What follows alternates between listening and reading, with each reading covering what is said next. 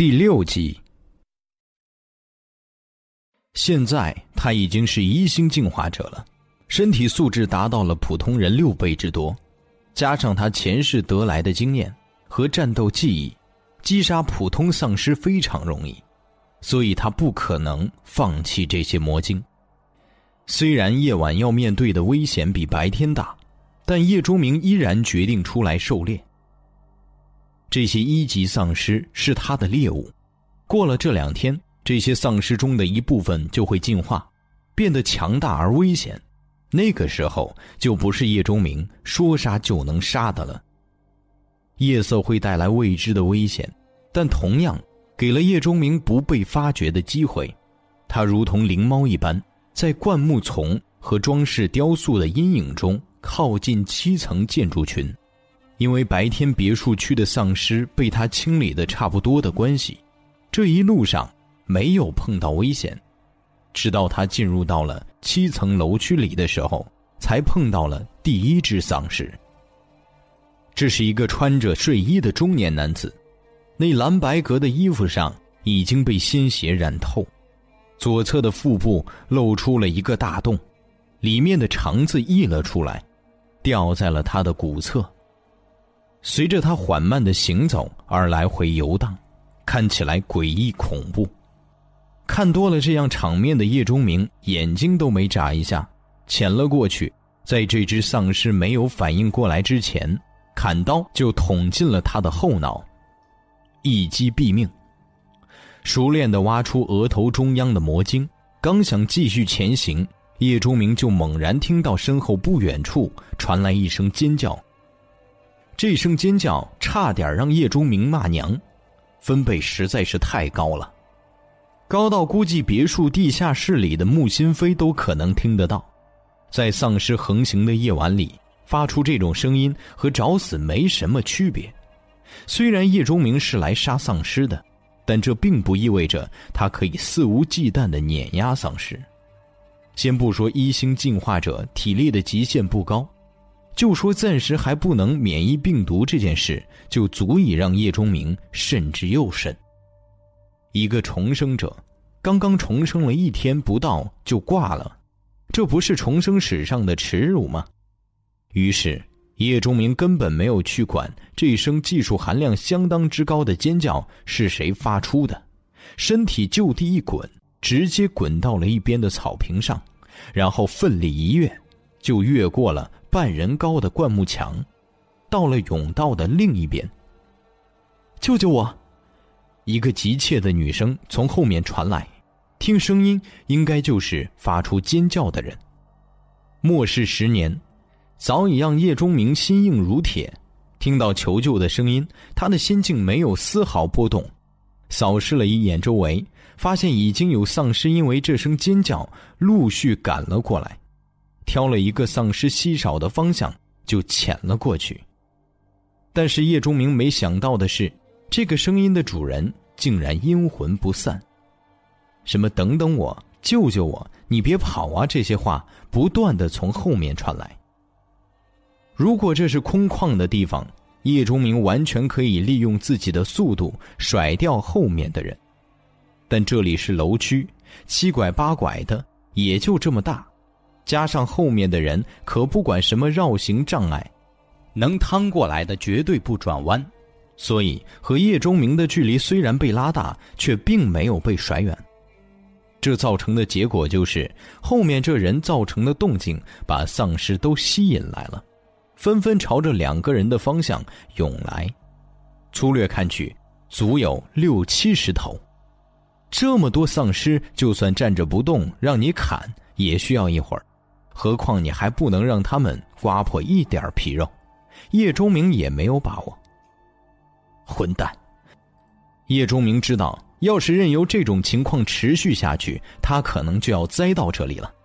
怒骂了一句之后，他迅速做出了决定，快速回身，迎着这个声音跑了过去。叶钟明看到的是一个披头散发的女人，身上穿着很时尚的衣服，只是此刻已经被刮得破破烂烂，有些衣不蔽体。想活命就闭嘴！对于这种差点把自己置于死地的人，叶钟明是绝不会客气的，窜到他身边就是一个耳光，直接把这女人打没声了，然后拉着她向着另外一个方向跑去。好在现在的丧尸还是一级的状态，速度不快。叶钟明又已经是一星进化者，几乎可以拖着这个柔弱无骨的女人跑路。片刻之后，两个人就摆脱了后面的尸群，钻到了一栋单元门开着的楼里，关上防盗门。叶仲明向外看了看，丧尸群没有都跟过来，但还是有二十几头游荡到了附近。短时间内是无法离开了。谢谢谢。不可否认的是，这个女人的声音很好听。此刻暂时安全。叶钟明也来得及看了她一眼，发现这女人竟然出奇的漂亮，皮肤也很白皙，只是眼中还带着凝结未散的恐惧和慌乱，还有，一边脸颊微微肿起，和嘴角带着的丝丝鲜血。虽然没有用力，但是被一星进化者扇了一个耳光，那也是很疼的。我只是不想让你害死。冷冷回了这女人一句话，叶钟明提着刀，开始警惕的向着走廊方向走去。这女人还是普通人，显然不可能听到这些。看到叶钟明向后走去，忙一步一趋的跟了上去。这种身后有人却不是信得过同伴的感觉。让叶钟明非常不爽，于是回头警告道：“跟着我可以，但别发出声音，否则我就宰了你。”这女人被叶钟明恶狠狠的样子吓了一跳，赶紧点头。看到了人变成丧尸，看到了鲜血和尸体，看到了断臂和残肢，让这个颜值极高、本应该是许多异性眼中女神一样的娇女，变得无比听话而顺从。哪怕刚刚被人扇了耳光，叶钟明缓缓来到楼梯间的门口，透过门上的玻璃，他看了一眼里面，视野中只能看见一双光着的脚，此刻正在不规律的动着。地面上有大滩的血迹，已经有些发黑凝固。轻轻推了推门，大概是因为鼎盛豪庭小区很高档的缘故。这扇门保养的很好，没有发出一丝声音。叶钟明身体从门缝中挤了过去，视线豁然开朗。叶钟明也不客气，跳了过去，一刀就砍掉了这个丧尸的头。这个动作，让他后面跟着的女人发出了一声惊呼。不过，面对骤然回头瞪视他的叶钟明，他拼命的捂着嘴。生生把声音又咽了回去。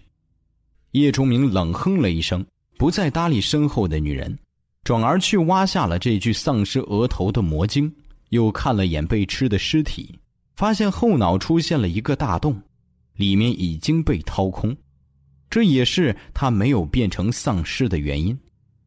这让叶钟明皱起了眉头。通常来说。现阶段的丧尸还没有进化出智慧，他们对血肉的向往只是一种本能的欲望。可是这具尸体的脑子却没了，是谁干的？丧尸还是变异生物？结论无论是哪个，恐怕都意味着这里出现过进化程度略高一些的变异生命了。叶钟明本来觉得自己重生后发展会顺风顺水的心思。顿时收了起来，站起身来，叶钟明发现墙壁的一侧有一个消防箱。他打开后，拿出了一把消防斧，背在了身后。他的户外砍刀虽然质量不错，但是经过了这么多场厮杀，又被臭虫腐蚀了一把，此刻已经有些损坏。他必须得找一把武器备用。伸头看了看楼上。有丧尸特有的低声嘶吼传来，但没有看见丧尸的影子。叶钟明决定先把这个单元的丧尸清理一下，然后再做打算。就在这个时候，一楼背面的窗户突然亮了一下，叶钟明下意识望去，正好捕捉到天际里闪过一道光芒，飞行了一段时间后坠落到了远处。看到这乳白色的光晕。叶钟明的心不可抑制的狂跳了一下，因为他认得这道光，那是秘境钥匙。金色圣光破开大气层，把美丽的地球变成人间地狱的时候，不仅给世界带来了让生灵异变的病毒、一块块绝地和无尽的杀戮，还带来了全新的进化方式——末日轮盘和活下去的希望。这些希望里就包括传说中的秘境。是的，传说中，因为在前世。叶钟明仅仅听说过秘境，从来未见过。秘境钥匙，还有它代表的秘境，都是极少数地球上最强大存在独占的。前世末日十年，只是六星进化者的叶钟明，显然是没有这个资格觊觎秘境的。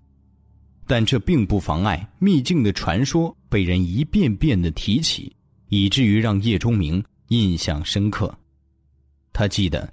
一个曾经接触过秘境的人说过：“秘境是和绝地相对应的空间，绝地代表着危险、死亡、恐怖，秘境则代表着希望和生命。”也是从这个人的嘴里，叶钟明知道了秘境钥匙出现的方法。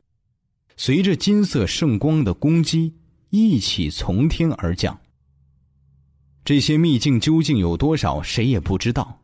但有一点是可以肯定的，就是这些秘境钥匙都是在今天之内，也就是灾变开始的时候降临到了地球上的各个角落，一如现在落在远处这把。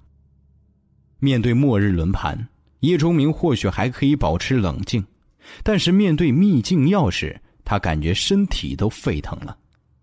秘境，这是末世里最珍贵的东西之一。在里面可以得到很多意想不到的强大物品和好处，对于在末世活过十年的叶钟明来说，吸引力是致命的。他立刻就放弃了猎杀一级丧尸的想法，转而要去得到这枚秘境钥匙。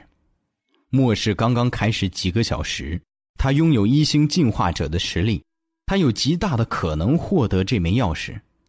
目测了一下距离，秘境钥匙落下去的地方竟然在自己的学校里。叶钟明一想到学校里丧尸的数量，就有些头疼。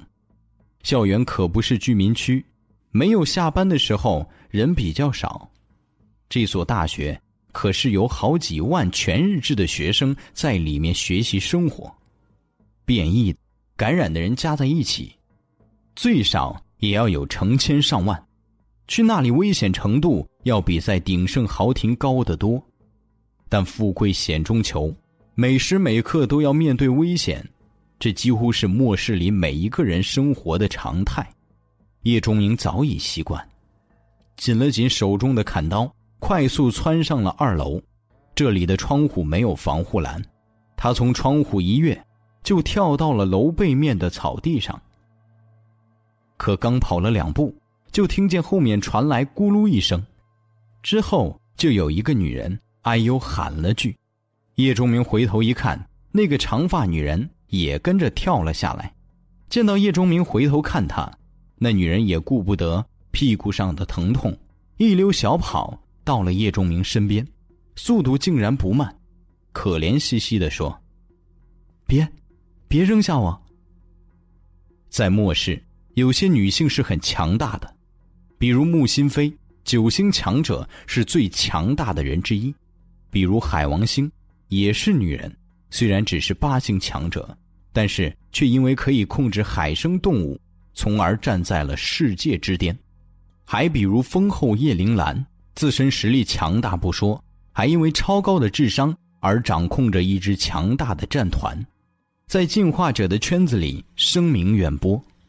但这些毕竟只是少数。女性因为身体素质上的差距，从末世开始就处于弱势地位，这一点从未改变过。她们在末世中更多的是成为男人的附庸，毫无尊严和地位可言。大多数的女性生活的很惨，她们很多时候只能靠谄媚和身体来换取食物和水，甚至在很多强者眼中，她们只是生育工具，除此之外没有任何作用。在末世曾经生活过十年的叶钟明，或多或少被这些观念所影响。除了穆心飞那样的未来强者外，对于其他异性，他习惯性的把他们当成拖油瓶，只能给自己带来危险和麻烦，而不是帮助。在这种心理之下，他的态度自然谈不上多好。不过，毕竟他不是那种视人命如草芥的进化者。他还做不到，因为这个女人可能会给他带来危险，而拔刀杀人，所以他只是用带着鲜血的刀尖点了点这个女人，沉声道：“跟着我可以，但是我不会保证你的安全，并且如果你胡乱发出声音，我还会毫不犹豫的杀了你。”这女人赶紧点头，她今天短短几个小时内已经看到了太多人逃跑或者反击。但无一例外都死了，只有这个男人杀那些恶心的怪物，如同砍瓜切菜。为了活命，不跟着他跟着谁？别说只是不发出声音，就是让他给他洗衣服、做饭、按摩捶背，他也干。认准了方向，叶忠明开始向着自己学校的方向前去。从这里到学校的院墙并没有多远，大概只有几百米的距离。借着夜色，叶忠明开始了他的杀戮之路。他尽量放缓脚步，不引起丧尸的注意。碰到落单的丧尸，还会偷袭杀掉他们，挖下魔晶。要是碰到数量很多的丧尸，他宁可绕一段路。等到他抵达小区的边缘时，他的兜里已经多出了十一个魔晶。叶忠明回头，本以为那个女人已经跟丢了。毕竟他是一星进化者，速度、体力都比普通人强不少。但意外的是，那女人虽然看起来很狼狈，但是却没有丢，只被他拉下了五十几米。这让叶崇明对这个女人有些刮目相看。这一段距离虽然不远，但是要想跟得上叶钟明，那也是对体力和眼力、耐力的一个考验。这个看似有些柔弱的女人竟然没有跟丢，看来应该是个平时很注重锻炼的人，心理素质也不错。否则换成其他娇生惯养的女人，早就不知道被哪头丧尸吃掉了。可叶钟明也仅仅是有些意外罢了。在末世，多少优秀甚至强大的人最后都死了，凭这女人现在的表现。也仅仅是比普通人强那么一点而已，想要长久的活下去，可能性不大。目光转到了一墙之隔的校园，叶钟明不可抑制的想起了在另一个方向自己出租房里的白诗诗。现在的他应该和秦军在一起了吧？秦军的父母都是富商，会第一时间得到保护。把这些杂念甩出头去。叶钟明就翻上了墙头，接着跳了下去。这里是学校食堂后面的一块空地，平时堆放的都是杂物和没有拉走的残羹剩饭，很少有人来。可他脚还没有沾地，就听见“呼”的一声，什么东西急速朝着自己砸了过来。叶钟明心头一沉，知道自己大意了。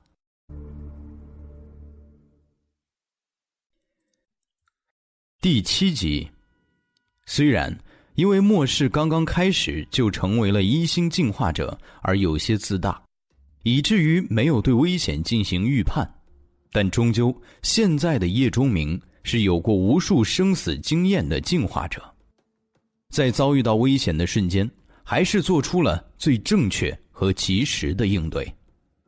他腰部一拧，身体就诡异的后倒去。那呼啸而来的攻击贴着头皮就抽在了叶钟明刚刚翻越的墙上，发出“啪”的一声，一些瓷砖和水泥的碎屑四溅，其中好几块都打在了叶钟明的身上，让他疼得闷哼了两声，并且感觉到有热流淌过，显然伤口处出了血。反击几乎是本能。砍刀瞬间就挥了出去，平滑自然。如果有国术大家在这里，一定看得出，叶钟明的刀法已经登堂入室。可这一刀却没有达到应有的效果，叶钟明感到砍刀被什么东西夹住了。这个时候，他才看清楚攻击自己的是什么，竟然是一株种在院子里的柳树。一条明显要长上许多、粗上许多的柳条正在剧烈甩动，想要摆脱叶钟明手中的砍刀。刚才一刀正好砍在了这根柳条上，没有砍断，反而让砍刀卡在了里面。叶钟明心中一惊，变异的柳树。刚刚遇到了变异的昆虫，现在又遇到了变异的植物，这运气。也太不好了吧！毕竟无论是昆虫还是植物，它们从开始变异之时实力就要比丧尸强，对叶钟明的威胁自然也更大。可无论怎么说，叶钟明的反应是一等一的，他瞬间就放弃了卡在里面的户外砍刀，伸手掏出了身上那把得自于末日轮盘的五四手枪。砰砰砰砰砰！连续五枪，除了第一枪失准了之外，其余四枪全部击中了十米外的变异柳树主干上的一个部位。后面跟着的女人此刻正好爬到了墙头。她看到那棵明显比普通柳树粗壮了不少的柳树树干上，留下了深绿色的液体，并且整棵树都在剧烈的抖动，这让她看起来更像是一个人。而不是一棵树。叶钟明开了几枪之后，并没有停手，瞬间就窜到了柳树前。背在后面的消防斧，此刻已经被他提在了手中，并且高高举起，朝着那个地方就猛然砍下。嘶！变异柳树竟然发出了嘶吼，虽然声音很低，但是确确实实的出了声。这吓得还骑在墙头的长发女人浑身一抖，直接摔了下来，心中有种陷入恐怖片的感觉。不过在嘶吼之后，这棵变异柳树猛然静止了下来，本来还嫩绿的枝叶瞬间变得枯黄，柳条都无力的垂下，任谁都知道这棵柳树死了。叶忠明挥舞着消防斧。再次在树干上砍了几下，树皮之下竟然露出了一块灰色的一级魔晶。变异的植物和变异的人类动物不同，它们的魔晶都在它们的体内，并且除了根部之外，它们并没有明显的弱点，而和大地连为一体的根部又是最难攻击的地方，这造成了变异植物的相对强大。如果不是叶钟明有经验，知道这种刚刚变异的树木魔晶还未完全收入体内，并且利用自己一星进化者的眼力敏锐，找到了已经被树皮遮蔽了大半的魔晶反射的一丝反光，那么等待他的结局，要么是落荒而逃，要么是被柳树杀死，成为他的肥料。长发女人这个时候已经站了起来。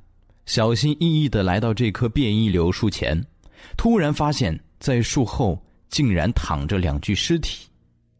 只是此时这两具尸体全部都干干瘪瘪，就如同沙漠里被风干了的木乃伊。他吓得想叫，可是看到叶钟明的背影后又不敢，只能死死咬着手，挪开目光，任凭身体在恐惧中瑟瑟发抖。两根吸管一般的树根插在干瘪尸体的脑袋里，再笨的人也知道曾经发生过什么。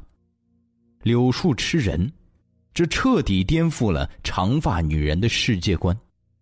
在这样飘着血腥味儿的黑夜里，她深深的陷入到了惊恐当中。过来帮忙。叶钟明的声音钻入了女人的耳朵里。让他下意识的就凑到了这个刚刚甩了他一耳光的男人身边。在这恐怖的世界中，这个男人是他目前为止发现的唯一能够给他带来安全感的人。看到这里了吗？拿斧子砍断。叶钟明把手里的消防斧递给了这个女人，指了指那根变异柳条和树干连接的位置。变异植物和动物普通比同级别的丧尸强大，如果一旦杀死它们，所得也是更多。他们身体很多部位都是非常优秀的材料，可以制造强大装备，或者入药，制作出功能各异的药剂。就比如这一棵变异的柳树，除了魔晶之外，它那根变异的柳条可以制作成武器，威力不错，相当于轮盘中的普通级别的武器。可惜的是，这根柳树刚刚变异，刚进化出一条变异柳条。如果整棵树的柳条都进化了，即便是放在重生之前，那也是一笔不小的财富。看着这个女人咬着牙，开始用消防斧朝着比她还高一些的树干部位，笨拙而奋力的砍着，叶钟明默默感慨了一声：“环境改变人。”这么漂亮的女人，应该是穿着露出香肩的晚礼服出席灯红酒绿的晚宴，在流光溢彩的灯光之下，成为全场的焦点。但此时，却只能用嫩的能凝出水。每周都要保养几次的纤纤玉手挥舞斧头砍树，为的只是一份根本就没有得到承诺的保护。这就是末世，这就是地狱。欢迎来到地狱，叶钟明在心中默默对这个女人说了一句，转而就开始用已经拔下来的砍刀。去剥这棵大树一个部位明显颜色较深的树皮，这是除了魔晶和变异柳条之外另一个有用途的东西。这些树皮本来是覆盖着魔晶，坚硬却又有韧性，普通人即便是拿着刀剑也很难砍得透，是制作护甲的良好材料。今天这棵变异柳树的运气实在不怎么好。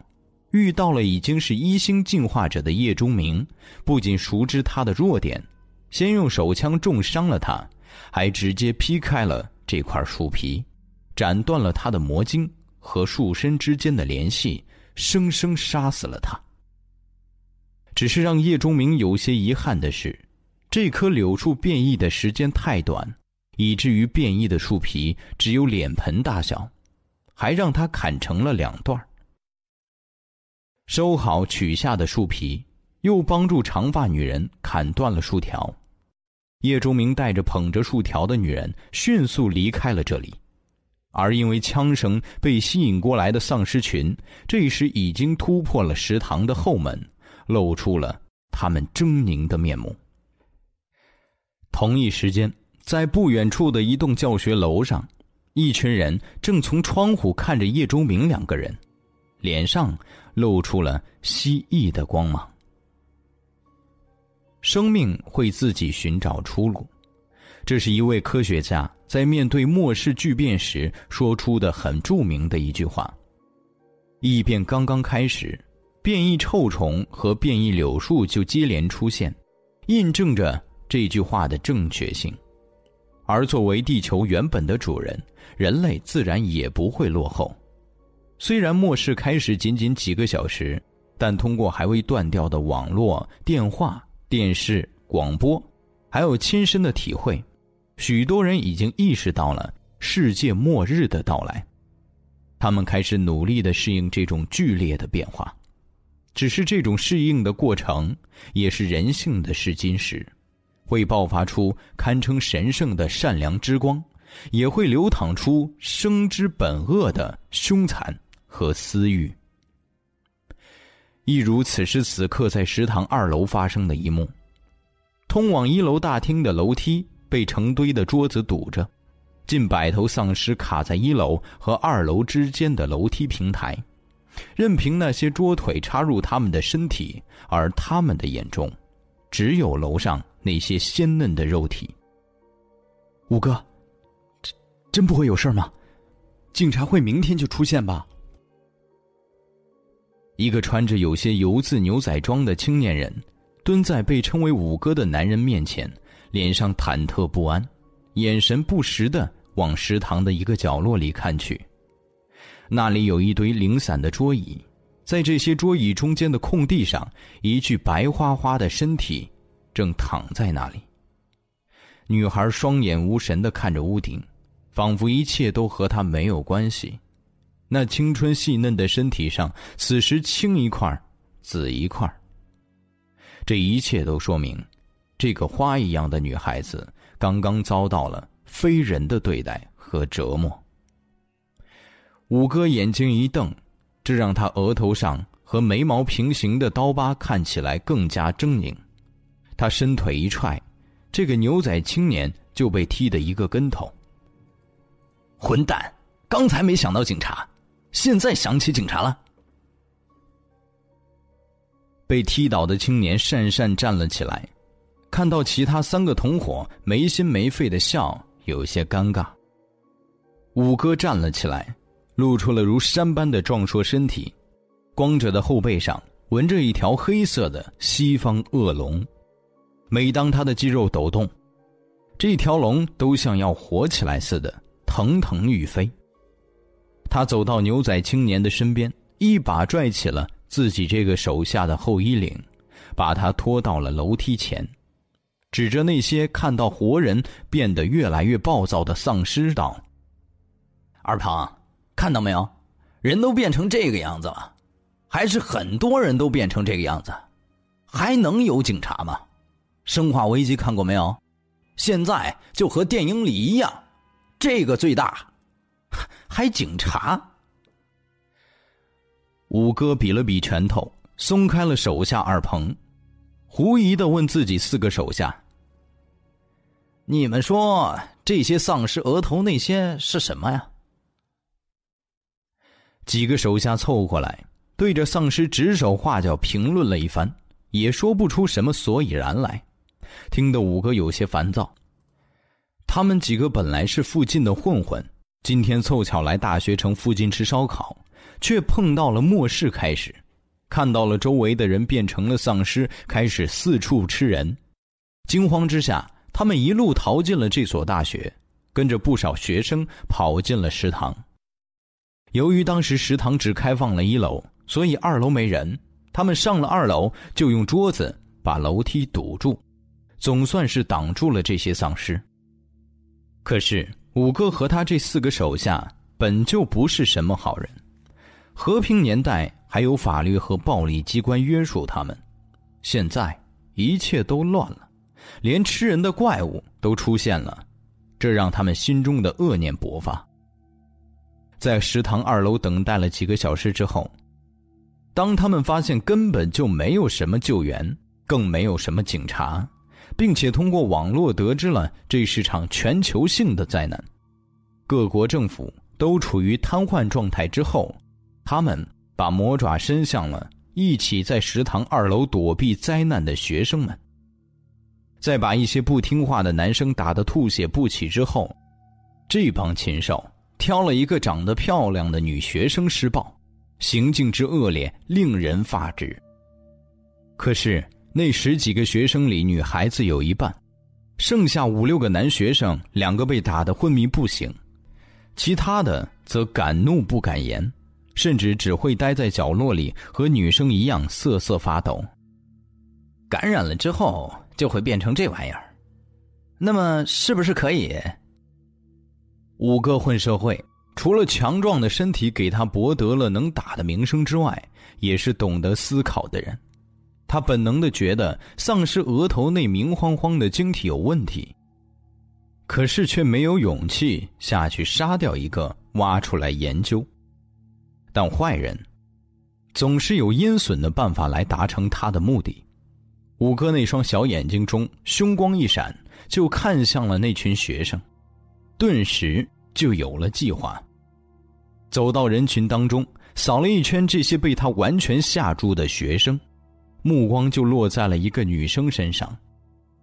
这个女大学生虽然脸蛋没有刚才被他们糟蹋的那个漂亮，但也很清秀，绝对算得上美女。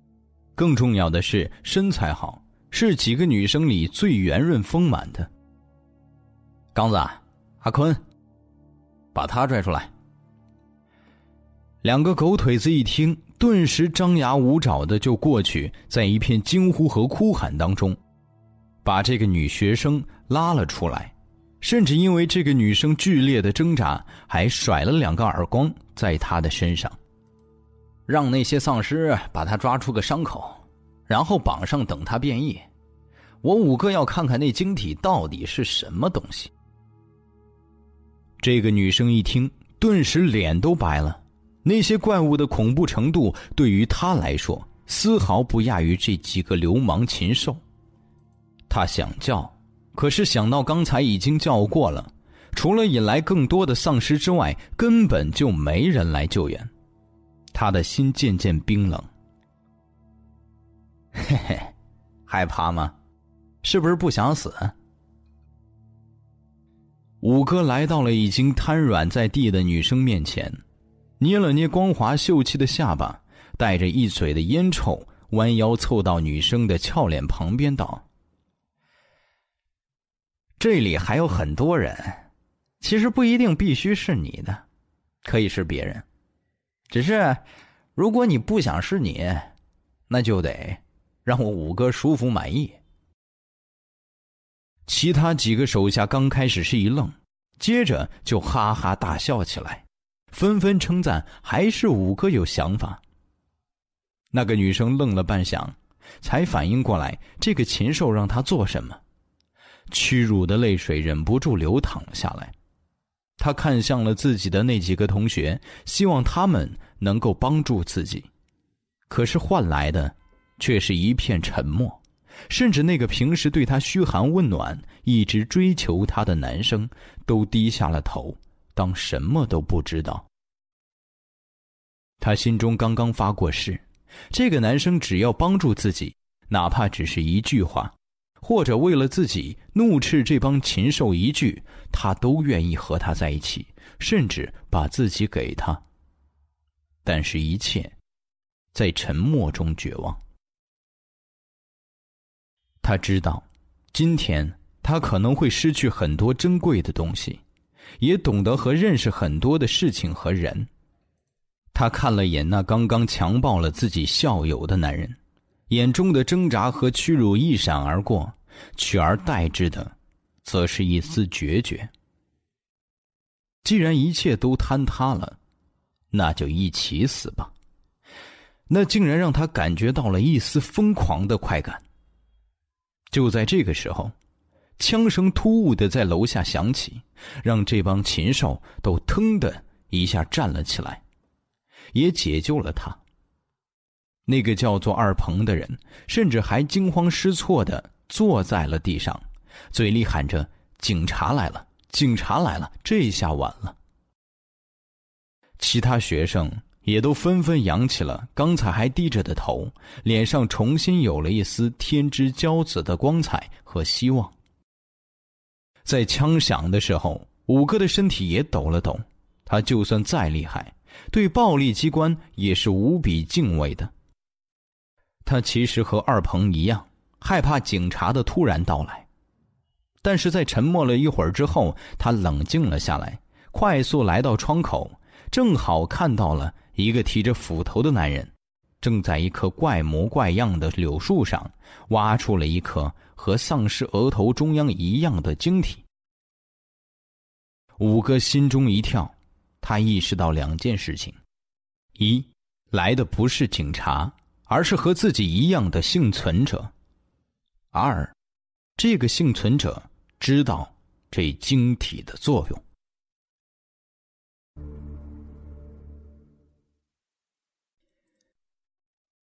第八集，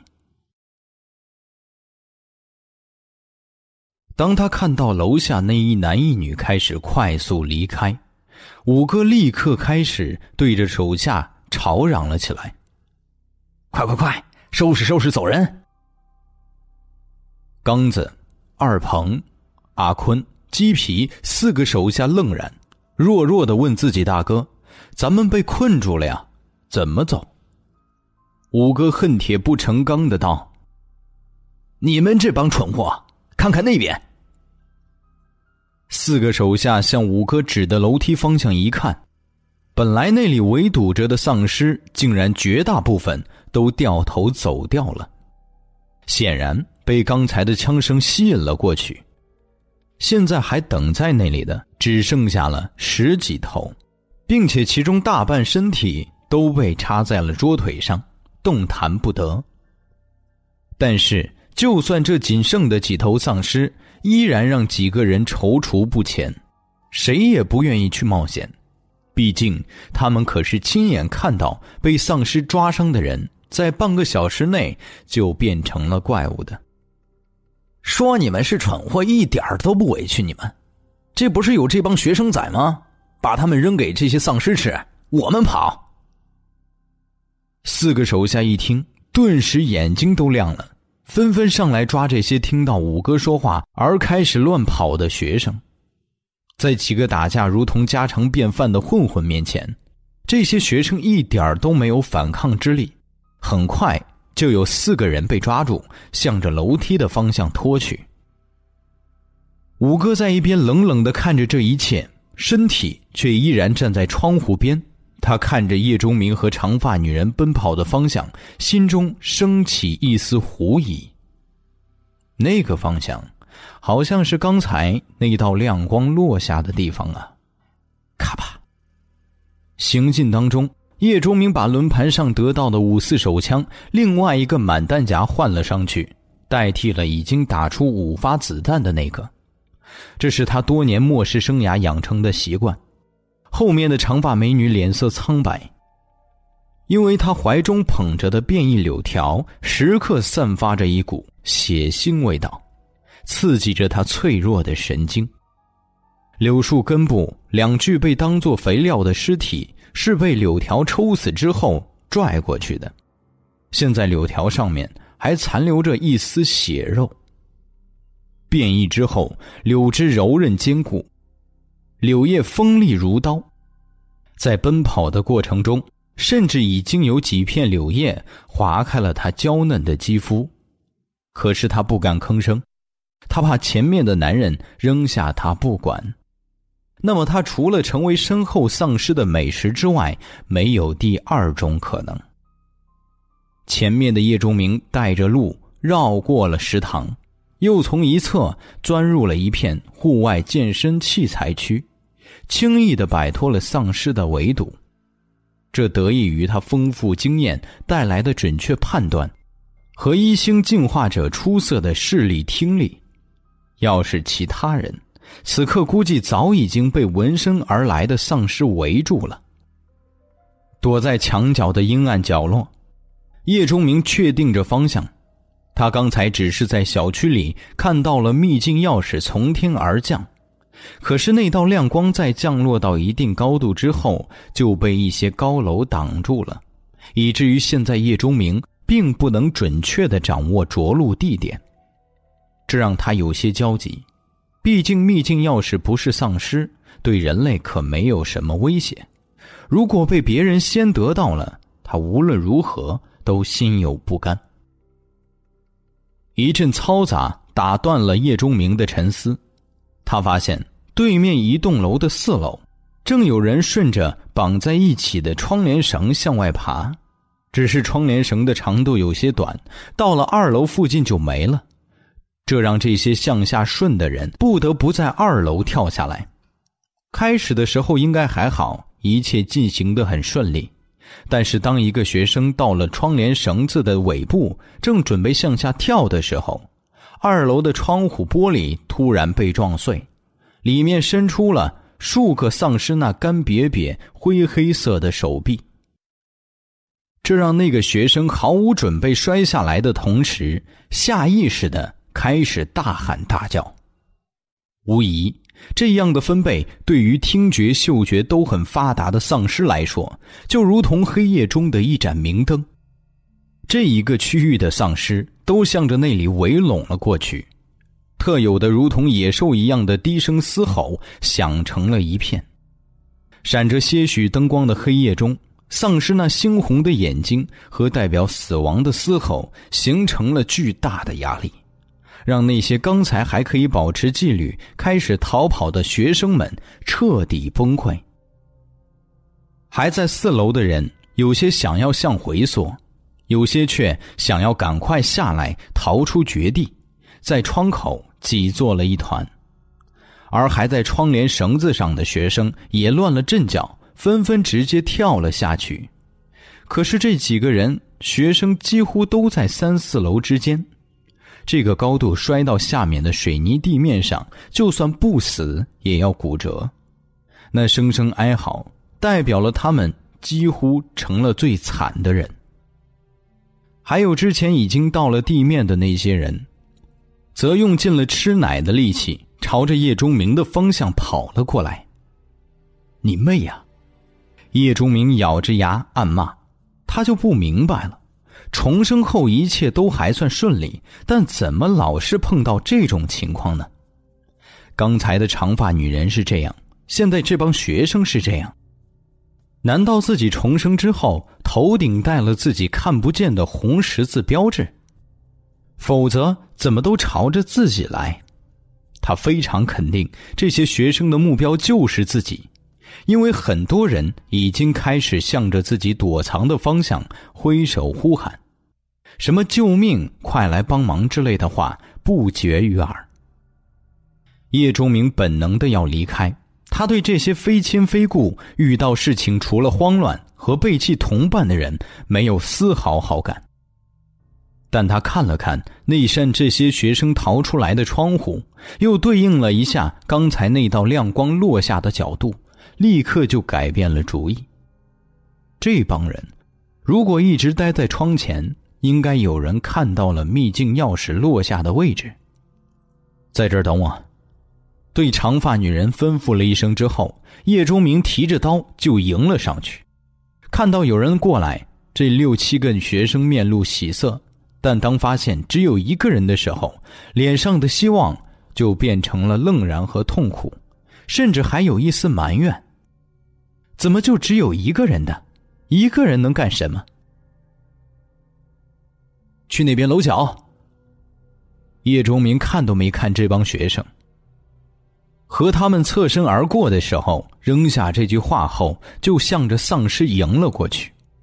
相对来说。这种陆陆续续的丧尸对叶钟明的威胁并不大，他惧怕的是很多很多丧尸在同一时间聚集在了一起那种情况。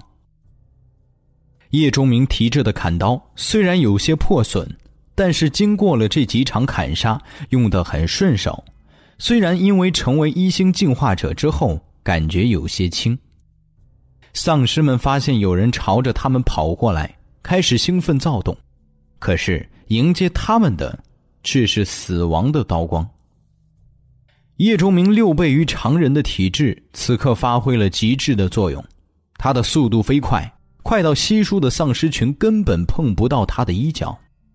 他的力量巨大，出刀精准，每一头丧尸都被一刀毙命。不同的只是他们死亡的方法，有些被捅进了眼窝。有些被砍断了脖子，有些被刺穿了太阳穴。当那些学生跑到了叶钟明所说的位置，见到了一个有些面熟的长发美女后，他们纷纷回头。这并不是关心那个人的安危，更多的是看一看危险和他们自己的距离。可是眼前的一幕把他们惊呆了。那个本来应该被丧尸吃掉提刀男人，非但没死，还杀进了丧尸群中，砍起那些对他们来说是世界上最恐怖东西的怪物，如同杀鸡屠狗般容易。仅仅这么片刻的功夫，竟然已经十多头死在了他前进的道路上。这怎么可能？一个跑得满面汗水的学生怔怔呢喃。他不敢相信看到的一切，虽然末世刚刚降临几个小时，可是对绝大部分的人来说，这几个小时就如同几个世纪那么漫长。他们见证和经历了人类从世界之巅跌落的过程，同时，人类特有的适应能力也让他们意识了一个道理：自己变成了食物，而这些同类变成了怪物，则成了猎人。可是现在，刚刚形成的认知就被颠覆了，他们一时间难以接受。当然，更难接受的是，这种颠覆是别人的，而不是他们自己的。叶钟明把一头丧尸的头颅揭了盖之后，发现距离自己最近的丧尸还有十多米之外，他立刻开始反身向回跑，并且抽空挖出了这一路上被他杀掉丧尸额头的魔晶。他迅速跑回到这些人的面前，并且迫不及待的问道：“刚才从天而降了一道光芒，谁看见落在了哪里？”这几个学生被问的一愣。好几秒后才反应过来，我我没看见。一个学生低声说了句，脸上有些不好意思，显然因为叶钟明救了他之后，自己却没有帮上忙，而觉得有些愧疚。叶钟明的目光落在了其他人身上，这几个人也都摇摇头，说亮光他们看到了，但没太注意落在了哪里。门外。楼下、校园中都是吃人的怪物，鲜血、残肢、尸体随处可见。这些象牙塔中的天之骄子们，精神已经处于崩溃的边缘。他们更期待救援的到来，而不是什么窗外奇怪的光芒。心中微微有些失望，看来还是要自己去寻找。好在这是叶钟明的母校，校区虽然不大，但很熟悉。花费一些时间，终究能够找到，只是时间上可能要久一些，被人先得到的几率大一些。不过这也是没有办法的事情。末世开始的那一刻起，就注定要在这血腥地狱活下去，不仅要有强大的实力，还要有过人的运气。呃，好像，好像朴老师说他看见了。一个戴着金丝眼镜、身上衣服很高档的男学生突然说了一句，让叶钟明眼睛一亮：“谁是朴老师？”听到这个手提砍刀、一身血迹的人询问，那个学生赶紧说道：“我们班级的辅导员，和我们一起困在教室里，他现在在那儿。”说着，一指刚才他们逃出来的教室。原来那位朴老师还被困在教室里没有出来，救还是不救？看了看已经聚集了近百头丧尸的小广场，叶钟明眉头紧皱。他可以把这些丧尸都干掉，但却不能保证一点伤都不受。在没有获得免疫丧尸病毒能力之前，受一点伤和死亡没什么区别。从理智上讲，他是不应该冒这个险的。但是秘境钥匙的吸引力又太大，他害怕耽搁了一些时间之后被人捷足先登。权衡了一下，叶钟明做出了决定：救，哪怕是冒险，他也不会放弃得到秘境钥匙的希望。秘境的吸引力实在是太大了。看到武装部的三层小楼了吗？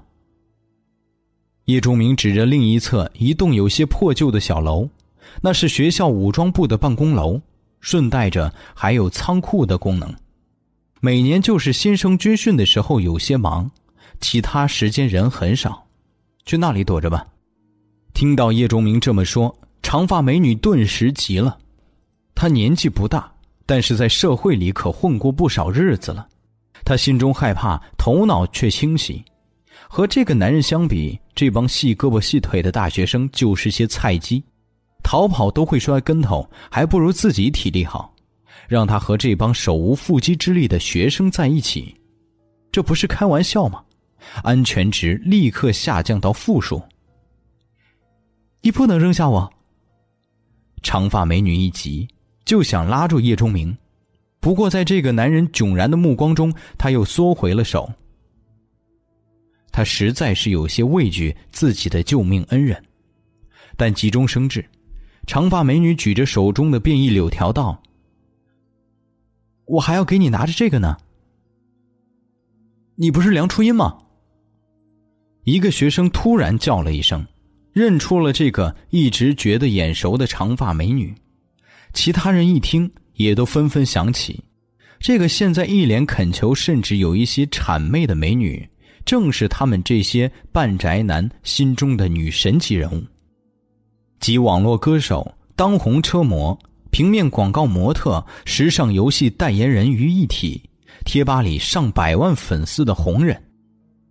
哪怕是在这种危机四伏、丧尸群逐渐接近的环境中，这么一个可望而不可及、只能对着电脑、手机图片、视频 YY 对象的出现，让这些学生肾上腺素分泌加快，陷入了兴奋状态。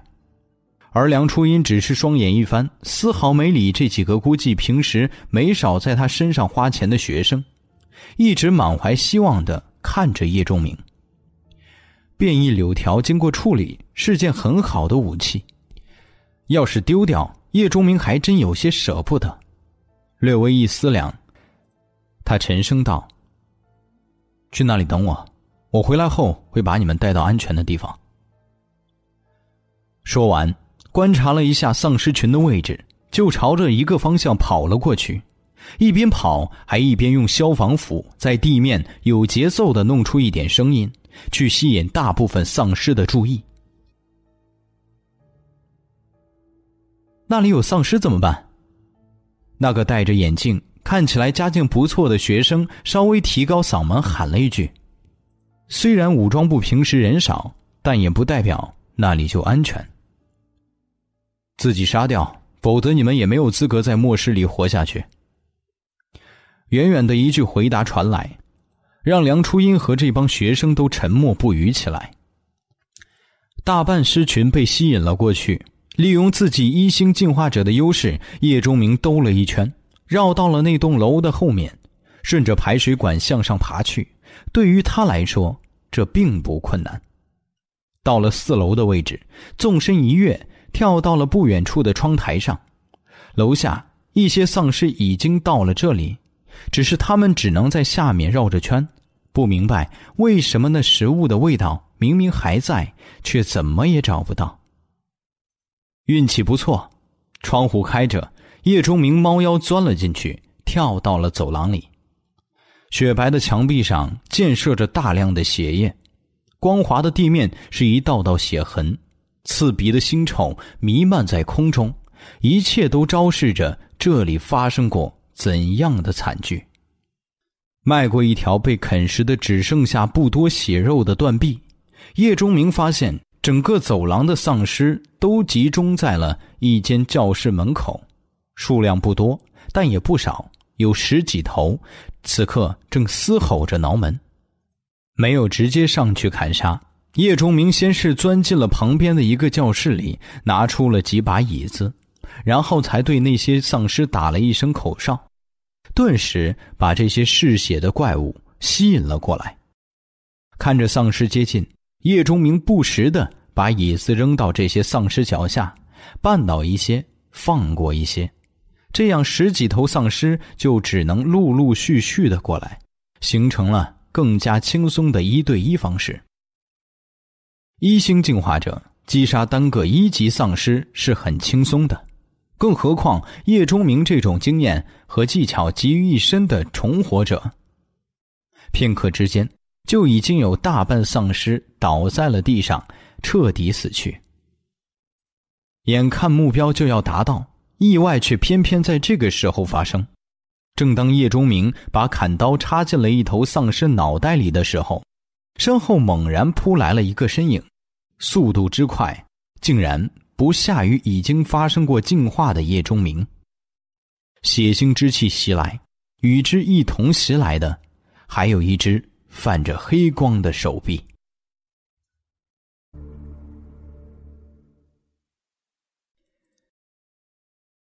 第九集，看到这条手臂，叶钟明的眼睛猛然睁大，因为他见过，见过无数次，在重生之前。二级变异丧尸，铁臂。在前世，叶钟明和很多幸存者一样，抱怨过末世的不公，这种不公平体现的一个方面，就是人类进化和其他生命进化之间的巨大差别。虽然人类在几年之后可以改良和制造三星以下进化药剂，并且还制造出了基因人，甚至有了实力强大的改造战士，但归根结底，人类的进化离不开末日轮盘。进化要靠轮盘上的进化药剂，但这仅仅是让你的身体强大起来。想要获得特殊的能力，依然需要去轮盘上碰运气。可以说，人类的进化完全被轮盘制约了。这种神奇的东西是人类的希望，也是枷锁。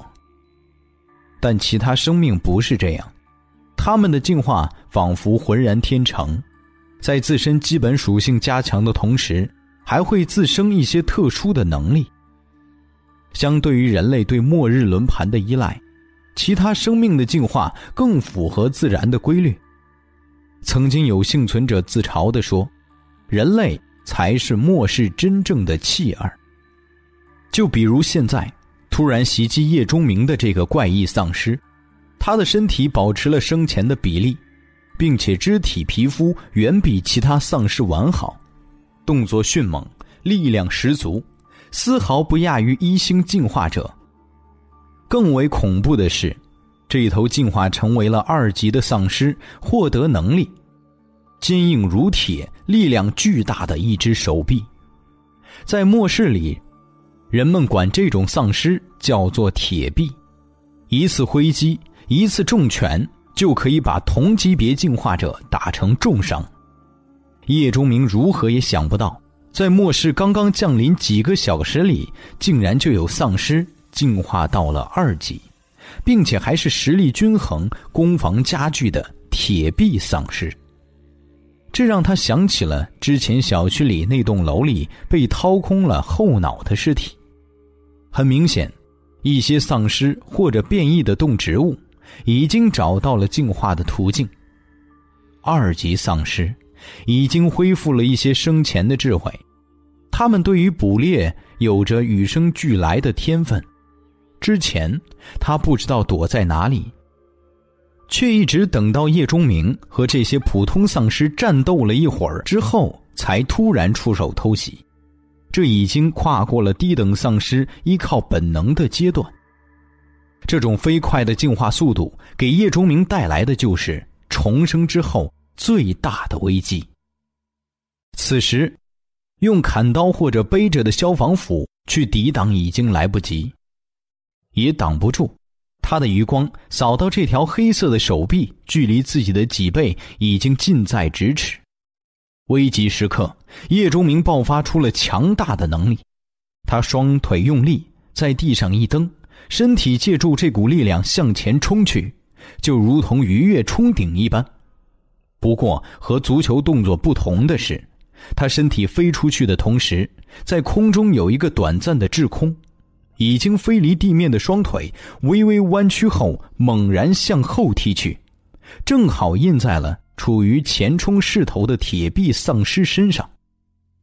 这不仅阻止了这头二级丧尸的攻势，叶钟明还借助这种力量，更加快速的向前飞了出去。那砸向他的黑色铁臂呼啸着从他的后背上方划过。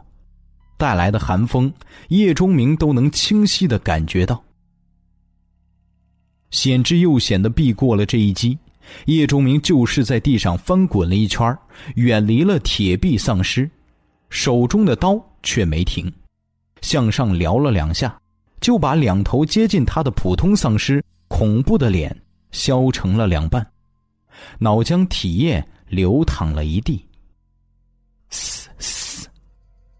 后面的铁臂丧尸发出了类似蛇类的嘶吼，额头已经成为白色的二级魔晶竟然隐约散发着一点点邪异的光晕。他伺机已久的攻击没有杀死敌人，让他感觉到了愤怒。已经拥有了些许智慧的他，清晰的感觉到，只要吃了这个男人的脑子，他就能更进一步，拥有更强大的实力。这要比之前吃掉几十个人类脑子都要强得多。一个丧尸不知死活的走到了铁臂丧尸的身边，这只暴躁的只想吃人的二级铁臂丝毫没对同类客气，黑色的手臂一挥，这头普通丧尸就被砸碎了脑袋，星白之物溅到了墙壁上，粘稠着在滑落，留下一道道清晰的痕迹。叶钟明听着后面的动静，却没有反身去应对，而是直接冲进了普通丧尸群里，迅速的击杀着这些怪物。他知道，今天和这头二级铁臂的战斗避免不了，但在这之前，他要先让自己没有后顾之忧。场面于是就有些诡异起来。刚才叶钟明一跃一滚，到了普通丧尸群的中段。起身之后向后杀去，而铁臂丧尸在后面追，碰到挡路的同类一律杀死，一人一尸竟然仿佛合作一般，片刻之内就各自杀掉了一半。等到所有的普通丧尸都倒下了之后，他们才正面对峙了起来。铁臂微微弯着腰，他意识到了这个人类的不同，感到了本能的危险。所以表现出了和普通丧尸迥然不同的慎重。叶钟明也在积蓄力量，面对二级丧尸，又必须保证不被伤到，对于他来说也是一件有难度的事情。就在一人一尸在满是尸体的走廊对峙的时候，那间教室里的人都屏住了呼吸，他们听到了砍杀声，但并不能猜测到什么。只有一扇门的教室被他们用讲台和课桌死死的抵住，谁也没有勇气靠近教室门，通过那扇小窗去看外面的情况。是那个独自一个杀了很多丧尸的人来了吗？一个女生弱弱的问。此时她所能说的，只会是心中最渴望的事情。在枪响的一瞬间。他们都以为救援来了，可是他们通过另一侧的窗户，却看不到穿着熟悉制服的群体，有的只是两个快速移动的模糊身影。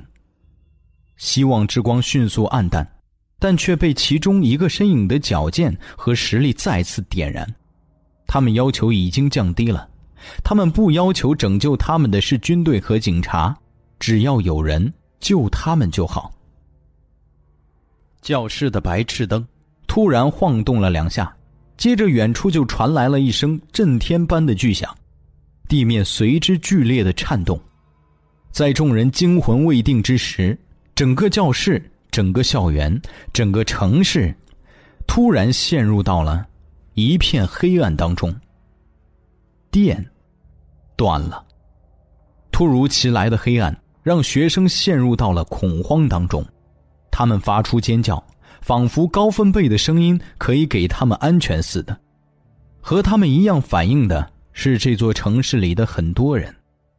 光亮的消失，让他们心中最后一丝侥幸消失的无影无踪。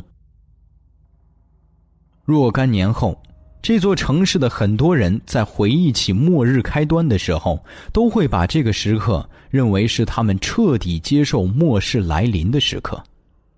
因为从这一刻起，黑暗笼罩了人间。也就在这一刻，走廊里对峙的一人一尸同时发动了进攻。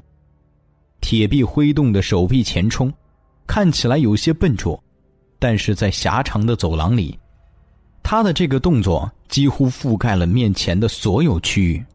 想要攻击到他，唯一的办法就是去硬碰他的铁臂。可是，在没有获得更加强大的能力或者技能前，没有得到更好的武器之前，二级丧尸的铁臂几乎就是无敌的存在。本来也在向前冲的叶钟明，在距离铁臂丧尸十米左右的时候，突然停了下来。他手中的砍刀已经被放到了左手，本来握刀的右手出现了一个黑色的家伙，是那把。轮盘得来的五四手枪，上一世，叶钟明的枪术已经达到了高级射手的境界。虽然这一世才刚刚开始，身体、眼力等一些方面和前世还有着巨大的差别，但是经验还在，并且在室内的这个距离之下，他没有道理会打偏。砰砰砰，连串的枪声响起，子弹在黑暗中划过道道光芒。出人意料的是，叶钟明没有射击铁臂丧尸的头部。因为当他把手枪拿出来的时候，这头二级丧尸仿佛就意识到了危险一般，已经把那坚硬的铁臂挡住了他唯一的弱点——头部之前。五四手枪打不透铁臂，至少只有八发的弹夹是打不透的。叶钟明选择的是这头二级丧尸的膝盖。二级丧尸进化之后，他们行动不再缓慢，步履不再蹒跚。力量变大，速度变快，甚至还拥有特异的能力，但他们也有弱点，就是除了某些走完全身体机能进化路线的丧尸之外，在五级之前依然脱离不了人类结构的束缚，关节依然是他们的弱点。二级丧尸除了铁臂这样的变异能力，其他部位还是无法阻挡近距离手枪威力的。六枪之后，这头铁臂的双膝都被打断，整个身体倒在了地上。丧尸没有痛觉，但是有了初等智慧的铁臂却在连声怒吼。他感到愤怒，还有一丝恐惧。叶钟明只是稍作停顿，枪声就再次响起。这一次，两枪直接把铁臂的另一只手打得烂掉了。现在的二级进化丧尸。除了铁臂之外，三肢残废。看到铁臂只能苦苦挣扎，叶钟明紧绷的神经放松了一点，让暂时还没有免疫病毒能力的他和二级丧尸肉搏，他还真没有太大的把握。他可不想刚刚重生就拿自己的小命开玩笑。这种有些赖皮的方式，有些胜之不武，但这是末世。不是擂台比武，叶钟明可不会有一丁点儿歉疚之感。扔掉打空的弹夹，换上那个还有三发子弹的，他又把枪插回了腰间。这东西关键时刻是能救命的。不能移动，并且只有那一只铁臂能用的二级丧尸，对叶钟明再也造不成什么威胁。被他绕了几圈，就顾此失彼了。一斧子劈进了后脑，了结了他。挖下铁臂额头白色的二级魔晶，叶钟明有些小兴奋。这个等级的魔晶，至少在几个月内都会相当珍贵的。没想到在第一天就得到了一枚。最近的二级轮盘在哪儿？叶钟明回想了一下，好像在一家百货公司的试衣间里。过一阶段可以去找找。现在找到了也没用，因为没有那么多二级丧尸让你杀。这一头铁臂丧尸的出现完全是意外。叶钟明隐约记得，当年在城市里有一头很强大的铁臂丧尸，据说已经进化到了金色双臂的七级程度，也不知道是不是这一头。如果是的话，那么只能说这家伙这一世的运气不太好。碰到了几乎开挂的叶钟明，把白色二级魔晶收好，叶钟明又开始收集起普通丧尸的魔晶。这个时候，教室里传出了一阵挪动桌椅的声音，接着门缓缓打开了一条缝隙，一个人影慢慢的从里面挤了出来。你，你是来救我们的吗？叶钟明头都没抬。继续挖魔晶，嘴里道：“谁是朴老师？”挤出来这个戴着高度近视镜的男人愣了一下，才小声向教室中说道：“朴老师，好像是找你的。”近视镜后的眼睛里，却有了些了然。这年头，美女就是吃香，连外面都是吃人怪物了，还有人惦记着她。能找来这么厉害的人来救他，真是人比人得气死呀！不过这个戴着近视镜、三十出头的男人，也只是想想，他还要借着人家朴老师的顺风车逃出去呢。找我？一个带着惊讶意味的女子声音从里面传了出来。等到叶钟明收集好了一集魔晶，已经有一个穿着浅粉色长袖 T 恤和淡蓝色牛仔裤的年轻女人站在了他的面前。重生前见惯了末世里脏兮兮的女人，叶钟明有些惊讶于这个女人的清爽干净。除了脸上带着几分惶恐之外，这位朴老师看不出和和平日子有什么区别。衣着干净，头发整洁，脸上没有一丝污迹，皮肤吹弹可破，在几个学生的手机电筒光芒中泛着红润，合身的衣裤也勾勒出了近乎完美的身材。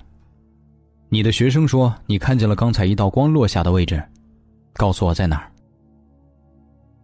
惊艳了一秒，叶钟明就恢复了末日的心态，在前世，漂亮女人他见得多了。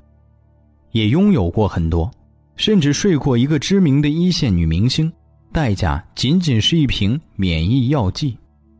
在末世，最不值钱的除了人命，大概就是女人了。显然，包括这位朴老师，这些幸存的人，都没想到这个杀光了丧尸的男人，竟然只是为了那道光。高度近视的男老师有些幸灾乐祸的看了靓丽的朴老师一眼。心说：“看来漂亮也不见得好用了。”不过马上他就意识到，如果这样的话，那么这个人可能不会救他们，这让他顿时紧张了起来。其他人都不傻，显然也意识到了这个问题。如果这个男人知道了答案，很大可能转身就走，那他们就又回到了之前被困的状态。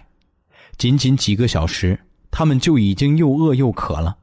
这样下去，就算不被丧尸吃掉，也要饿死在了教室里。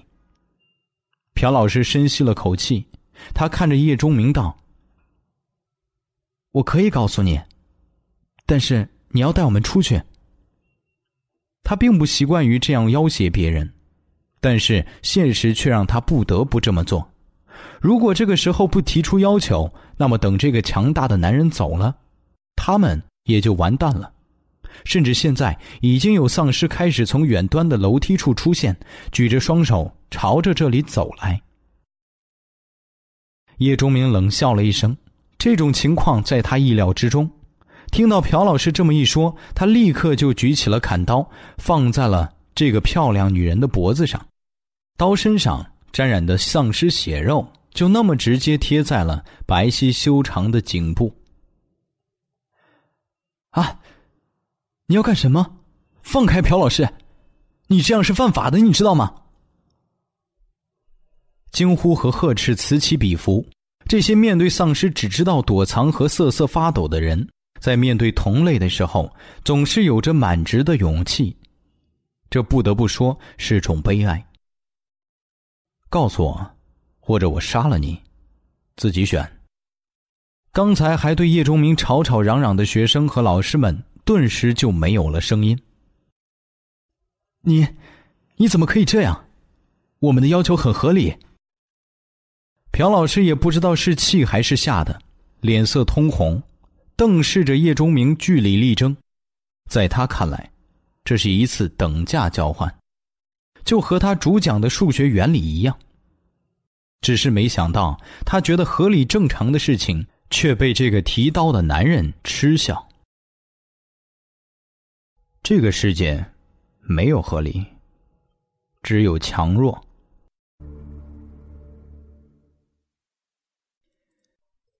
第十集，叶钟明显然没有兴趣在这里耽误时间，把末世冰冷冷的定律告诉了这些还心存希望的同类。这些学生和老师们其实没有多大的勇气，否则也不会只敢躲在教室。而不是拼命一起搏杀出血路逃生。面对凶神一样的叶钟明和明晃晃的刀，他们不敢反抗，只有这位朴老师还有些骨气，也最是审时度势。他清楚的知道，没有这个男人帮忙，他和自己的同事还有这些学生逃生几率很低。他咬着牙，尽力抑制着自己内心的恐惧，倔强的看着叶钟明，显然不准备屈服。你必须救我们！叶钟明看着这个为所有人谋取利益的女老师，突然笑了笑，砍刀放了下来，这让所有人都松了口气。但这口气还没有松完，只见一支手枪就指向了一个女学生。你干什么？喂喂，你！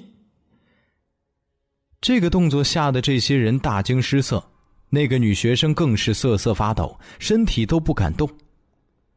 告诉我，否则我就把这里的人一个个杀光。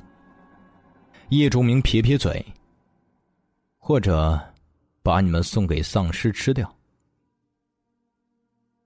叶钟明不是恐吓，他真的会动手。末世十年已让他心硬如铁，除了那些在前一世用铁血和柔情走进他心中的兄弟和爱人，他对其他生命从不手软。并不仅仅是他，在末世中的每一个人都这样，甚至犹有过之。至少叶钟明还有信任的人，而很多幸存者，他们只相信自己。这种杀意已决态度让这些人彻底崩溃。那个被他用枪指着的女生，带着哭声开始恳求自己的老师，让他把地址告诉叶钟明。其他人也纷纷劝说，全然没有了。刚才同仇敌忾的样子，现在的朴老师更像是他们的敌人，而不是举着枪的叶仲明。朴老师脸上满是失望的表情，他没想到自己和这个杀人魔王对峙的时候，自己这些同事和学生竟然不是帮助自己，而是为了眼前的一点威胁，放弃了今后的保证。真是一群鼠目寸光的家伙。手指抠在扳机上，这个动作在手机电筒的光亮下，让人群再次骚动了起来。其中一个女同事突然就说出了一个地址，并且解释道：“是朴老师之前和她聊天时说的，应该就是那个地址。”朴老师痛苦的闭上了眼睛，他已经绝望，没想到自己为了他们能够逃出去。甘愿冒着被杀的危险和这个男人讨价还价，可他们却把唯一的筹码交了出去。或许在他们看来，重新回到教室中堵住门等待救援，要比现在被一个个杀掉好吧？叶钟明放下枪，既然得到了答案，就没有必要杀人。至于这些人会怎么样，他才不会管。转身就迎着接近的丧尸而去，一路砍杀了过去，连魔晶都没取。他要快一点赶到秘境钥匙着落的地方。从四楼一路杀下，不知道是不是因为这里产生过二级丧尸的缘故，尸体明显多过病变的人类，幸存者也不多。等到叶钟明一路杀出了教学楼，偌大一个教学楼。只有四五十人听到动静，跟着他跑了出来，其中就有朴老师他们。叶钟明虽然不会去刻意拯救谁，但是如果这些幸存者因为自己而获救，他倒也不计较。这些人中甚至还有叶钟明的同学，只是刚刚重生的叶钟明对他的记忆早已经模糊，只是看在同学的面子上告诉他，可以去武装部的办公楼躲藏。那里有一部分幸存者，确认了一下方向。根据得到的信息，秘境钥匙应该是落在了学校北操场和网球馆附近。叶钟明直接向着那个方向跑了过去。看着远去的背影，这些一路跟着叶钟明跑出了教学楼的学生议论纷纷，焦点自然是那个认识叶钟明的人。小海，你认识这个人？那个戴着高度近视镜和朴老师一起的男老师问叶钟明的同学：“是啊，我们班的叫叶钟明，学习不错。”小海点点头。不过不太和人来往，有些孤僻，大概因为他父母车祸去世的早吧。不过他有个很漂亮的校花女朋友白诗诗，大家应该都熟悉。众人这才恍然，原来是白诗诗的男友啊。不过这时候还是有了一个不太和谐的声音穿了出来，是个一脸青春痘的女生。确切的说，是曾经的男朋友。现在白诗诗和秦军在一起，那个又帅又有钱的校草。大家听到这个，脸上的表情各异，想什么都有。呀，那边又有丧尸过来，我们快走吧。一些被叶钟明吸引到了教学楼后面的丧尸，没有找到目标后，又绕了回来，正朝着这帮幸存者走来，这让所有人顿时都不淡定了。快去武装部的办公楼！随着这个声音，这些人呼啦一下都朝着武装部跑去。叶钟明的大学有两个拥有全尺寸跑道和万人看台的露天体育场，一个在校园的南面，一个在北面，被大家分别称之为南操场和北操场。北操场就已经到了校园的尽头，一街之隔的小区就是叶钟明租住的地方。在操场一抬头。甚至就可以看见卧室的窗户，有的时候命运就是这样，不经意间就让你回到了原点。叶钟明隔着操场的围栏，看着远处留下自己大学生活点滴的小屋，那边和这座城市的很多房间一样，漆黑一片。收回目光，叶钟明用出色的眼力在操场上巡视，可除了游荡的丧尸外，什么都没有。难道是在网球馆里？叶钟明看向了挨着操场的那座网球馆，看来只能去那里找一找了。他刚想动，却又突然停住，因为他发现操场主看台下面的广播室里好像有光亮闪过，很微弱，不注意甚至就会错过。叶钟明心中一动，难道密天钥匙从天而降，穿透了看台，掉到了那里？他猫下身体。决定去看看。绕到那一侧的看台后，利用座椅的掩护，迅速接近，悄然无息的解决了几头挡路的丧尸之后，叶钟明进入了广播室。眼前的景象让他大吃一惊，继而大喜。在广播室一个柜子的后面，正有一个发着微光的轮盘，矗立在那里，盘面被均分为了三等份。每一个等分闪耀着一种颜色。三彩轮盘，末日轮盘除了从一级到九级的常态轮盘之外，还有一些非常特殊的轮盘。其中一种是拥有不同颜色等分区域的幻彩轮盘。前世的人们会根据这种轮盘上颜色的数量来称呼它们。拥有三种颜色的就叫做三彩轮盘。叶钟明面前的这个就是。除此之外，还有五彩轮盘、七彩轮盘和九彩轮盘。是的，只有奇数幻彩轮盘，没有偶数。至于为什么，没人知道。叶钟明激动，因为这种彩色轮盘对幸存者有着非常大的作用，可以使他们拥有职业。或许这看起来有些与游戏相像，但这就是事实存在。实质上，末世的地球就是一个游戏场，幸存者就如同一个个渺小的玩家，或者在规则之下苦苦挣扎求生，或者在寻找漏洞时粉身碎骨。末日轮盘提供的职业有很多，总体上分为两种：一种是主职业，可以让幸存者拥有一些强大的战斗能力，比如前世叶钟明就拥有射手这个职业，还有刀战士职业。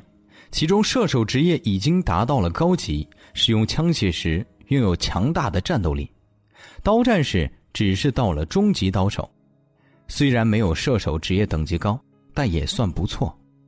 一近一远两个主职业，让叶崇明在末世活了十年。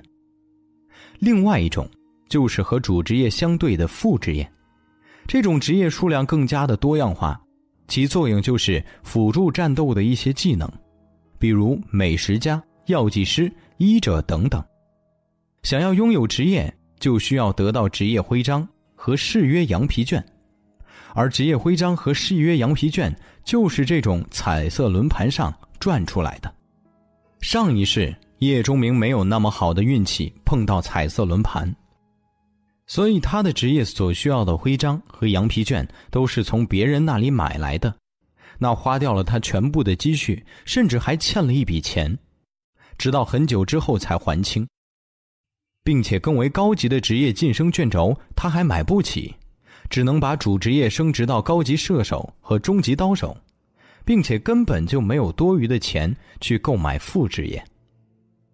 这种情况并不是叶钟明独有，在末世十年的进程中，能够拥有职业的幸存者数量只占到总人数的三分之一左右，而能够把职业晋升到高级的人更是不多。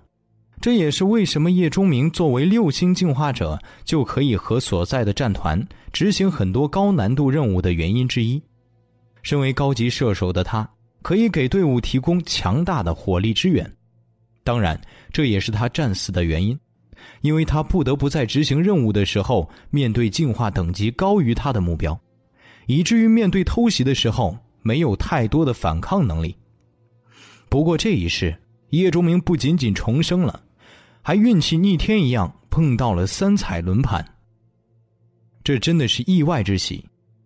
虽然还没有找到秘境钥匙。但竟然先碰到了三彩轮盘。即便是以叶钟明十年末世生涯养成的冷静，此刻也有些按耐不住情绪，走到三彩轮盘面前，小孩似的左摸摸右摸摸。这座三彩轮盘上有三种颜色：金属黄、墨汁绿、火焰红。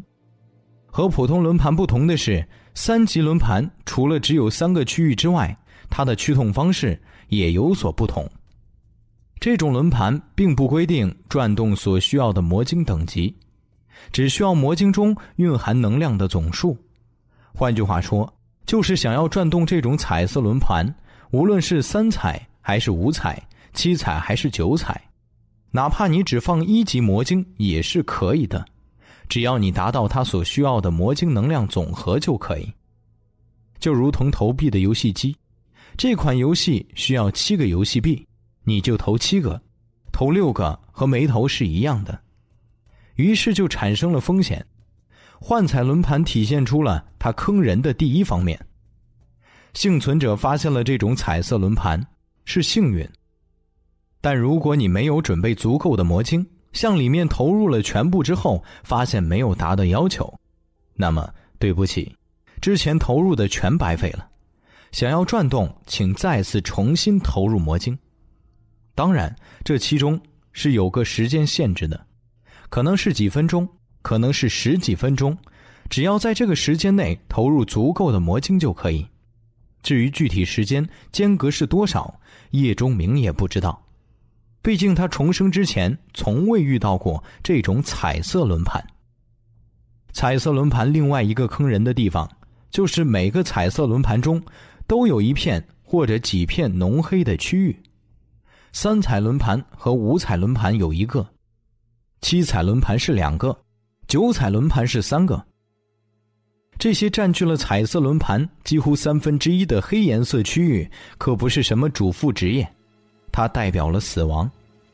是的，如果你转动这种彩色轮盘的时候，指针停在了黑色区域，那你的好运气就变成了坏运气。非但什么都得不到，还会让彩色轮盘爆炸，威力巨大到连九星强者都抵御不了。你会和彩色轮盘一起尸骨无存。所以，对于人们来说，彩色轮盘可以让你一夜暴富，也可以让你瞬间死亡。无论你是谁，有多么强大。职业徽章和誓约羊皮卷之所以一直都非常昂贵，就是因为得到这些不仅仅需要运气，还需要和死神擦肩而过。如果是前一世，叶钟明哪怕碰到了彩色轮盘，他也不会如此狂喜，因为机遇和风险是并存的，你可能会得到，也可能会死去。但这一世，他却高兴的连手都在颤抖。在几个小时前。他拥有了一项技能，初级排除术。他不知道这种技能对彩色轮盘究竟好不好用，但要是一旦可以使用，那么这座彩色轮盘对于叶钟明来说就没有危险，只有收益，巨大到让他做梦都会笑的收益。对着轮盘傻笑了半晌，叶钟明整理了一下自己的心情，深呼吸了一下之后，把初级排除术用在了这座三彩轮盘之上，得到的提示是可以排除一项。叶钟明仰天大笑，眼睛都有些湿了。重生后，他得到的不仅仅是一次重新开始的生命，还有前世绝没有的好运气。那么剩下的问题就是，他需要多多积攒魔晶，来满足三彩轮盘的需求。那金属黄和火焰红代表的两种职业，他是一个都没打算放过。提着刀，背着斧，别着枪，叶钟明感觉身体里满是澎湃的力量。他推门走出广播室。看着操场上游荡的丧尸，就如同看见了前凸后翘的美妞似的。叶钟明砍倒了操场上最后的一个丧尸，至此他收获了三十多枚一级魔晶。这些叶钟明觉得不够，因为他需要转动两次。这么好的机会出现在自己面前，他没有道理只拿走一种职业的徽章和誓约羊皮卷，两种他全要。不过也有困难摆在他的面前，校园里直接变异成了丧尸的人本就很多，加上这几个小时被感染的人，数量已经多到了一个很吓人的地步。叶钟明身为一星进化者，现在很强大，但是他也没有把握一起对付二十头以上的丧尸群。于是他不得不挑选一些丧尸稀少的地方下手。操场是个绝佳的猎场。灾变时，这里人不多，游荡的丧尸多是从别的地方过来的，密度不高。但是其他地方的丧尸就呈现集群状态了。以叶钟明现在的实力，还不敢去触碰。这让他思量了一会儿之后，决定去刚才击杀二级丧尸铁臂的教学楼里收集那些没来得及带走的魔晶。虽然已经是一星进化者。但是从操场一路杀来，叶钟明也感到体力在飞速的流失，他不得不一边含着准备好的巧克力，一边继续前行。等到他回到之前离开的教学楼时，身体已经有些出现脱力的症状了。当然，收获也是巨大的。这一路上，他又干掉了不少的丧尸。这样，他从离开木心飞的别墅开始到现在。已经收集了百多枚一级魔晶和一枚二级魔晶，这些收获在末世仅仅开始了半天的时间内，已经多到让人不敢想象。叶钟明仅仅用了几个小时，就完了在前世一年多才完成的事情。